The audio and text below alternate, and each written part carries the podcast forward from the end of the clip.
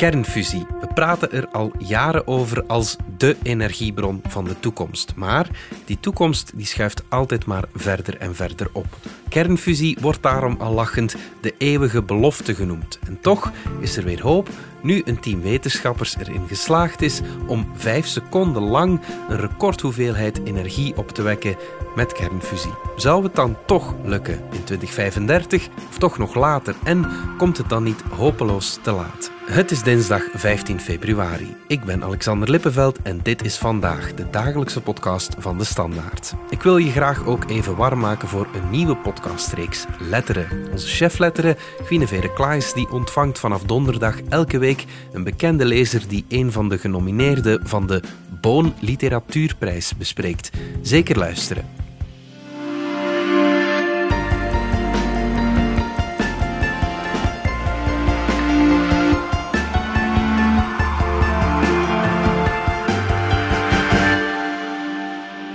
Senne Starks van onze wetenschapsredactie. Dat is wel goed nieuws van die kernfusie. Vertel eens, wat is er in die Engelse fusiereactor juist gebeurd?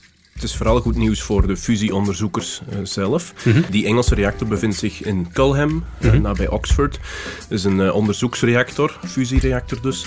En daar hebben ze dus een energierecord klaargespeeld eind vorig jaar op 21 december. Mm -hmm. En men heeft daar met fusie 59 megajoule aan energie kunnen opwekken. En hoeveel is dat juist, 59 megajoule? Dat is niet geweldig veel, ja. maar vergeet niet, ze hadden er maar 5 seconden tijd voor uh, nodig. Ja. Maar dat komt ongeveer overeen met een 300-tal laptops die een uur lang uh, draaien. Tony Donné, programmamanager van Eurofusio, legt uit dat dit de kers op de taart is van jarenlang werk. This is truly special because it's really, uh, I would say, the combination of 15 years work at JET, maybe even more.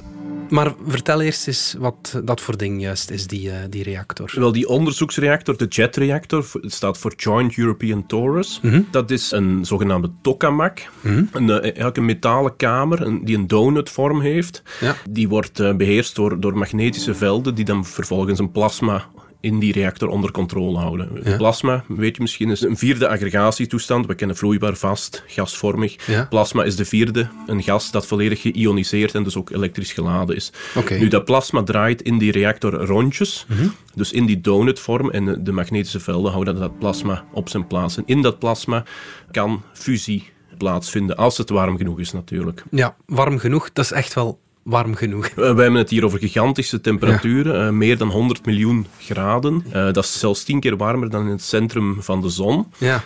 zoals je weet is de zon de bekendste of de enige fusiereactor ook in ons zonnestelsel. Doné legt uit dat ze proberen om dat proces hier op aarde te repliceren. Fusion is the process that powers our sun and our stars, and we want to replicate it here on Earth because it is a safe energy source. It doesn't emit CO2, and it has almost unlimited energy for the future generations. De zon heeft natuurlijk als voordeel dat er een enorme druk in de kern is. Mm -hmm. Die hebben wij op aarde niet, dus moet de temperatuur nog hoger zijn om uh, fusie te kunnen klaarspelen. Ja, oké. Okay. En fusie, dat is dan letterlijk kernen die versmelten, of hoe moeten we dat zien? Ja, het is het tegenovergestelde van kernsplitsing. Ja. Gewone kernenergie, daar, daarbij worden uraniumkernen gesplitst. Mm -hmm. daar, daarbij komt dan energie vrij. Bij fusie ga je lichte elementen, zoals waterstof, mm -hmm. specifieke vormen van waterstof, deuterium en tritium mm -hmm. zijn dat, die ga je met elkaar laten samensmelten en daardoor verandert een, er een hoeveelheid materie, volgens de wet van Einstein, ESMC kwadraat, ja in energie. En zo, kan, zo komt per, per materie hoeveelheid zeer veel energie vrij. Ja, en dat heeft dan geleid tot die 59 megajoule. Had je dan veel brandstof nodig, zeg maar? Of, uh... Zeer weinig. Ja. Uh, Oké, okay, de, de reactie heeft maar vijf seconden geduurd. Ja. Maar men heeft dus in die jetreactor wel degelijk een fusiereactor gehad. En dat, dat is vrij uniek. Mm -hmm. Niet zomaar een fusiereactor, maar ook met deuterium en tritium, een mengsel dat, dat zeer zelden wordt gebruikt in experimenten. Mm -hmm. Dus het is echt een energierecord. Het is ook een verdriedubbeling van het vorige record, ja. dat al dateert van eind jaren 90. Bij Eurofusion is Doné natuurlijk heel blij met dat resultaat. Meanwhile, we also got the World Fusion Energy Record, which is uh, of course very nice because the old one was 22.5 megajoule. We are now at 59, so it's 2.5 more. Ja, Senne, dat wereldrecord is dus verpulverd, zeg maar. Maar kan die reactor het dan ook langer uithouden dan vijf seconden? Deze reactor niet. Ah, de jet is gebouwd om dit soort experimenten te kunnen doen. Mhm. En langer dan vijf seconden kan hij het niet uithouden. Daar, daar heb je andere installaties voor nodig. Ja. Maar men heeft nu in die vijf seconden wel gezien dat het, dat het langer kan. Dat het plasma stabiel genoeg is ah, en warm genoeg blijft om, om, om het langere tijd te kunnen aanhouden en de fusie aan de gang te houden in een latere, grotere reactor. Ja, en is er dan iets gedaan met die elektriciteit die dan uh, Niks, is? die, die energie is gewoon weggevlogen in de vorm van warmte. Dus het is niet de bedoeling om in een experimenteel reactor iets te gaan opwekken van elektriciteit. Dat, dat komt veel later. Mhm. als, als er echt ooit effectief een fusiecentrale komt, zal men met die warmte, zoals bij een kolen- of een gascentrale of bij een kerncentrale, zal men daar ook elektriciteit mee kunnen opwekken. Maar dat is een, eh, een toekomstverhaal. Ja. Bij klassieke kernsplijting, zoals we dat uh, allemaal kennen, um, wordt er gebruik gemaakt van uranium als splijtstof. Dat is iets relatief duur en zeldzaam, denk ik ook. Is dat voor die waterstof, die specifieke vormen van waterstof ook zo? Of, uh... Ja, bij, bij gewone kernenergie heb je inderdaad uranium nodig. Niet zo heel veel, maar toch een significante hoeveelheid. Mhm. Die moet inderdaad gedolven worden, uh, voorbereid. Mhm. dat, dat, is natuurlijk, dat kost ook natuurlijk uh, geld. Mhm. Eh, bij fusie heb je minder brandstof nodig. om concreet te zijn in die, voor dat fusierecord. Oké, het duurde, okay, het duurde maar uh, vijf seconden had men maar slechts 0,17 milligram aan fusiebrandstof okay. uh, nodig. Ja. Dus dat, die fusiebrandstof dat bestaat dus enerzijds uit deuterium, anderzijds uit tritium. Dat deuterium komt gewoon uit zeewater, dus daar hebben we genoeg van. Ja. En dat tritium dat kan nog een uh, probleem vormen. Dat wordt momenteel gemaakt in gewone kernreactoren. Ah, ja. Dus dat is natuurlijk niet de bedoeling om dat straks te moeten gaan aanmaken in klassieke kernenergie. Er zijn plannen om in toekomstige fusiereactors tritium uit de reactor te halen. Het zou, dat, het zou dus aangemaakt worden tijdens het fusieproces zelf, zodat je mhm. eigenlijk een gesloten systeem hebt. Nu, die experimenten die moeten nog worden uh, gedaan en dat moet allemaal nog worden aangetoond dat dat wel mogelijk is. Als dat inderdaad zo is, dan kun je wel spreken van een onuitputtelijke bron van energie, want dan heb je voldoende uh, fusiebrandstof, dan moet je daar niet geen zorgen over maken. Ja, oké. De energie die nu opgewekt is, hoe kan die ooit omgezet worden in bruikbare stroom? Ja, die energie die komt vrij als warmte bij, de, mhm. bij, die fusiereactor. En uh, die warmte die kan dan uh, afgevoerd worden naar een systeem waar bijvoorbeeld stoom wordt geproduceerd. En met die stoom wordt dan een generator aangedreven, zoals in een, uh, een klassieke thermische centrale. Vanaf het moment dat je warmte hebt, kan je daar elektriciteit mee opwekken. Ja, maar om die warmte te creëren moet je toch heel veel energie opwekken. Ja, en dat is uh, momenteel nog een probleem, want die jetreactor die kost nog meer energie dan dat ze oplevert. Dus er moet meer worden ingestopt dan dat er momenteel uitkomt. Want zoals gezegd, die temperatuur moet eerst en vooral zeer hoog liggen voor de fusie in gang schiet. Mhm. Pas daarna kun je er iets van, uh, van recupereren. We hebben dus vijf seconden lang heel veel energie moeten opwekken om een heel klein beetje energie te maken. Wat maakt dat nu zo gigantisch moeilijk? Ja, ten eerste die temperatuur natuurlijk. Eh, mhm. de fusie moet in gang gezet worden, maar ze moet ook in gang worden eh, gehouden. Ja. Daarvoor moet dat plasma met die magnetische velden in die tokamak-reactor moet dat goed bij elkaar worden gehouden. Moet eigenlijk opgesloten worden. En eh, men heeft het over een confinement. Mhm. Want van zodra dat plasma uit elkaar beweegt, dan gaat die dichtheid dalen, gaat die temperatuur dalen en dan valt dat eigenlijk meteen stil, dat fusieproces. Ja. Ja. Nu, daarvoor is het ook nodig dat heel die reactor vacuüm is en dat er zo weinig mogelijk onzuiverheden in voorkomen. Dus die moeten er allemaal uit. En zelfs de onzuiverheden die in het proces worden geproduceerd, die moeten dan ook nog eens uh, worden afgevoerd. Ja. En dat is allemaal niet zo gemakkelijk, dus, dus daarom duurt het ook, ook zo lang. Ja. Moeten er zoveel experimenten worden uitgevoerd. Nu, het feit dat die de reactie meteen stopt bij de minste storing, zeg maar, maakt het natuurlijk ook wel een heel veilige energiebron. Hm. Want eh, zo, bij kernsplitsing heb je een kettingreactie. Ja zoals we in Chernobyl gezien hebben, uh, dat het uit de hand kan lopen. Bij een fusiereactor is dat uh, niet mogelijk. Die, die, reactie stopt gewoon ah, ja. als je bijvoorbeeld de, de magnetische velden afzet of als er een andere ingreep gebeurt. Oké. En, en, om diezelfde reden is het ook helemaal niet interessant om dat bijvoorbeeld voor, te gebruiken voor de ontwikkeling van kernwapens. Ja. Je kan die fusiebrandstof niet zomaar even gaan verrijken op een of andere manier. Je hebt altijd die reactor nodig om kernfusie te kunnen uh, doen. Ja. En dat kan dus niet, zoals bij gewone kernsplijting, ja. gebruikt worden bijvoorbeeld voor een atoombom. Ja, vandaag de dag is dat misschien. Uh, ja, we denken daar niet meer zo hard over na, ja. maar dat is wel uh, belangrijk. En wat met radioactiviteit? Uh, produceert een fusiereactor ook radioactief afval? Ja, die, die produceert zeker radioactiviteit, maar het is niet te vergelijken met de hoeveelheden, de, de levensduur of de activiteit van het kernafval dat we kennen van gewone kerncentrales. Mm ook al omdat er zo weinig fusiebrandstof is. Ja. En die brandstof wordt dan ook nog eens meteen uh, opgebrand in de reactor. Nu, de, de grootste hoeveelheid zal komen van de wand. Die wordt bestraald met neutronen tijdens, uh, tijdens de fusie. Ja. En die wand wordt dus wel radioactief, maar dat is min of meer kortlevend afval. Ja. na 100 jaar is die activiteit verwaarloosbaar. Dus uh, je, zal zeker geen ondergrondse berging nodig hebben, bijvoorbeeld om afval duizenden of tienduizenden jaren af te zonderen, zoals nu wel het geval is bij onze kerncentrales. Dat zijn al drie grote voordelen. Het is, het is veilig, het is heel zuinig, er is amper afval. Zijn er nog voordelen? Ja, natuurlijk. Eh, het stoot geen CO2 uit ja. of een ander broeikasgas, net als gewone kernenergie, mhm. of nauwelijks CO2 je hebt ook geen brandstofprobleem als, mhm. die, als dat van die tritium in orde komt. Ja, ik ben enthousiast, zijn, hè. maar ik moet zeggen, toen ik eh, in de middelbare school zat, dan kreeg ik ooit een lezing over kernfusie en over die reactor in Oxford. Dat is bij mij nu nog maar een kleine 15 jaar geleden. Maar er zijn oudere collega's die daar ook les over kregen in hun schooltijd. Ik wil maar zeggen, het wordt ons al zo lang beloofd, die kernfusie je wordt er stilaan misschien wat sceptisch van. Zeker. Eh, en dat is natuurlijk omdat het zo moeilijk is om die kernfusie onder controle te krijgen. Nu, als je de onderzoekers zelf vraagt, die hebben het meestal over 2050. Wanneer ze een werkende elektriciteit producerende fusiecentrale kunnen bouwen. Mhm. Dat is zowat de huidige horizon. En natuurlijk, dat is vanaf nu bekeken 30 jaar ver. Dus mhm. dan, dan zijn we weer bij die oude grap over kernfusie beland, waar het, eh, waar het eh, altijd 30 jaar eh, verwijderd is van ons en altijd zal blijven. Ja, ja, ja. De grote uitdaging is dus om steeds langer een fusiereactie in gang te houden. De jetreactor die botste na vijf seconden al op zijn limieten. Wat is de volgende stap? De jetreactor heeft zijn, zijn werk nu gedaan, mhm. zou je kunnen zeggen. Ah, ehm, en dan moeten we naar Zuid-Frankrijk, waar de volgende reactor in de steiger staat. En dat is natuurlijk de ITER-fusiereactor, ja. een kolossaal gebouw. En die zou moeten klaar zijn in 25. En het belang van het nieuws van vorige week is dat uh, die resultaten in JET eigenlijk vertrouwen geven voor het werk dat straks in ITER zal gebeuren. Ah, Want die tonen eigenlijk aan dat de fusieonderzoekers niet voor onvoorziene obstakels op vlak van die fusiereactor te maken zullen krijgen. Ja, ja.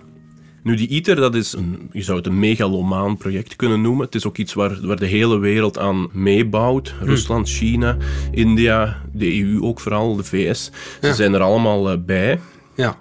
En om een idee te geven van de schaalgrootte, uh, die, die tokamak dat daar gebouwd gaat worden, alweer zo'n donutvormige reactor, maar dan vele malen groter dan Jet. Mm die zal drie keer zoveel wegen als de Eiffeltoren. Dus het, is een gigantische gevaarte. Ja. Er zal ook uit een miljoen onderdelen bestaan. Het is, het is één grote bouwdoos. Ja. Uh, het, is, het, is, echt indrukwekkend om te zien. Ja, je bent al eens gaan kijken. Hè? Ik ben er twee keer geweest. De eerste keer was iets meer dan tien jaar geleden. Al toen was er nog niet zoveel te zien. Het was mm. één grote bouwput, letterlijk. Men had een enorme kuil gegraven waar, waar dan fundamenten werden gelegd om die enorme reactor op te kunnen plaatsen. En een paar jaar geleden, in 2018 denk ik, ben ik er nog eens geweest en toen stond een deel van die reactor er al, het betonnen geraamte. Mhm. Daar konden we toen gewoon uh, doorheen wandelen. Ah, ja. een, een, een, hoge betonnen cilinder met heel veel gaten in de wand. Het, het, het leek wat op het Colosseum ah, ja. in Rome. Het gaf die, die indruk. Ja. De, de, de Zuid-Franse zon zal er misschien voor iets uh, tussen gezeten hebben. Ja, en wat uh, heeft het tot nu toe gekost? Dat is een vraag die altijd ja, naar boven komt bij zo'n ding. Ja. Men schat de totale kost momenteel, dus tot, tot 25, op een 20 miljard euro. Oké. Natuurlijk, dat geld komt uit de hele wereld, maar de, de EU betaalt daar een groot deel van. Mhm. Daarom staat die ook in, in Frankrijk. Ja, en als je daarmee het energieprobleem oplost, natuurlijk, ja, dan valt dat wel als je, mee. Als je, ja, dan, dan, dan is het dat zeker waard ja. Maar... ITER zal in 2025 klaar zijn. Wat zal er dan uh, gebeuren? Ja, als ITER klaar is, dan, dan zal er eerst en vooral een plasma worden gecreëerd, zoals nu ook in JET gebeurd is. Mhm. En je zou dan denken, ja, dan kunnen ze meteen aan die fusie beginnen, maar dat is dus niet zo, want het is een geheel nieuwe installatie van een omvang die er nog nooit is geweest. Dus dat is, de wetenschappers moeten dat apparaat eerst heel goed leren kennen en dat mhm. duurt alweer enkele jaren. Ja. En dan schat men dat dit pas in het volgende decennium, dus na 2030, echte fusiereactors met deuterium en tritium kunnen worden uitgevoerd daar. Ja dan is het doel om die reactie steeds langer in gang te houden. Dus eerst minuten, uren en uiteindelijk non-stop. Ja, okay. en, en bij ITER is het ook de bedoeling om tien keer meer energie eruit te halen dan dat er ingestopt wordt. Dus ja. een, een factor 10 van uh, energiewinning. en zal die energie dan omgezet worden in uh, elektriciteit? Of? Alweer niet. Okay. Uh, het, het, is alweer een experimentele reactor. Ja. Dus uh, die zal geen kilowatt uh, elektriciteit produceren. Ja. Het moet de finale demonstratie worden van de, van de mogelijkheid om kernfusie te gaan gebruiken als mm. energiebron. Ja. En wanneer mogen we dan uitzicht hebben op ja, bruikbare kernfusie die ons uh, van energie voorziet? Ja, dan moeten we dat jaartal van 2050 uh, vernoemen. Dus, dus na ITER zou er voor de eerste keer een demonstratiereactor gebouwd worden die dan effectief uh, stroom zou produceren die ook aan het net zou geleverd worden. Ja. En dan kan het natuurlijk sneller gaan, want eens je, eens je alle kennis hebt ja, dan en alle know-how, dan, dan kun je die dingen gaan bouwen. Natuurlijk, het zal nog steeds niet, uh, niet van een leien dakje gaan. Het zal nog steeds lang duren voor zo'n centrale wordt klaar is. Het zal ook niet goedkoop zijn natuurlijk. Ook professor Ian Chapman, het hoofd van de UK Atomic Energy Agency, en Fernanda Rimini, fysicus bij die jetreactor, zeggen dat er nog een lange weg te gaan is, maar dit bewijst wel dat er heel veel kan. This is a quest. It matters so much to find a sustainable form of energy for, for the planet. And over the last few years, we've had a bunch of hurdles, challenges that we've had to overcome. The, the results today show that we can do that and we can overcome all those hurdles, those challenges. That's why it's so important to us. We have shown them that this can work from an engineering point of view, from a physics point of view. The challenge is there. They cannot hide. But we've shown them that this is possible. Now, take it up and take it seriously. 2050, goed. Uh, we hebben op de planeet een groot probleem met onze energiebevoorrading en vooral met die CO2-uitstoot uh, daar rond. Kunnen we echt wachten tot dan? Kan het niet kan het niet wat sneller? Ja, ik zou er zeker niet op wachten. Ik zou er niet uh, volop inzetten. Uh, het, is, het is een heel interessant uh, onderzoek natuurlijk. Mhm. Maar ja, de uitkomst blijft onzeker. En natuurlijk de andere technologieën, die staan natuurlijk ook niet stil. Hè. Zonnepanelen die worden steeds goedkoper. Windturbines worden al maar krachtiger. Mm en de gewone kernenergie die verandert ook. Uh, denk maar aan de, de, kleine moduleerbare reactoren die nu plots op aandacht kunnen rekenen, ook, van, ook in België, ja. van, van de regering. U hoort minister van Energie Tine van der Straten van Groen kleine moduleerbare reactoren met gigantisch minder afval, die veilig zijn in gebruik, geen uh, kans op menselijke fout, minder problemen voor proliferatie, dat dat de toekomst is. Ik heb daar een aantal maanden geleden over gezegd, ik ben het eens met Bill Gates. Het, wat het probleem met kernenergie is, is vandaag een afvalfactuur, een afvalberg, waar geen oplossing voor is. En president Macron in Frankrijk die... Ja, Macron die wil met zijn uh, nucleaire renaissance daar volop op inzetten. Objectif numéro 1, c'est faire emerger en France d'ici 2030 des réacteurs nucléaires de petite taille innovants avec une meilleure gestion des déchets.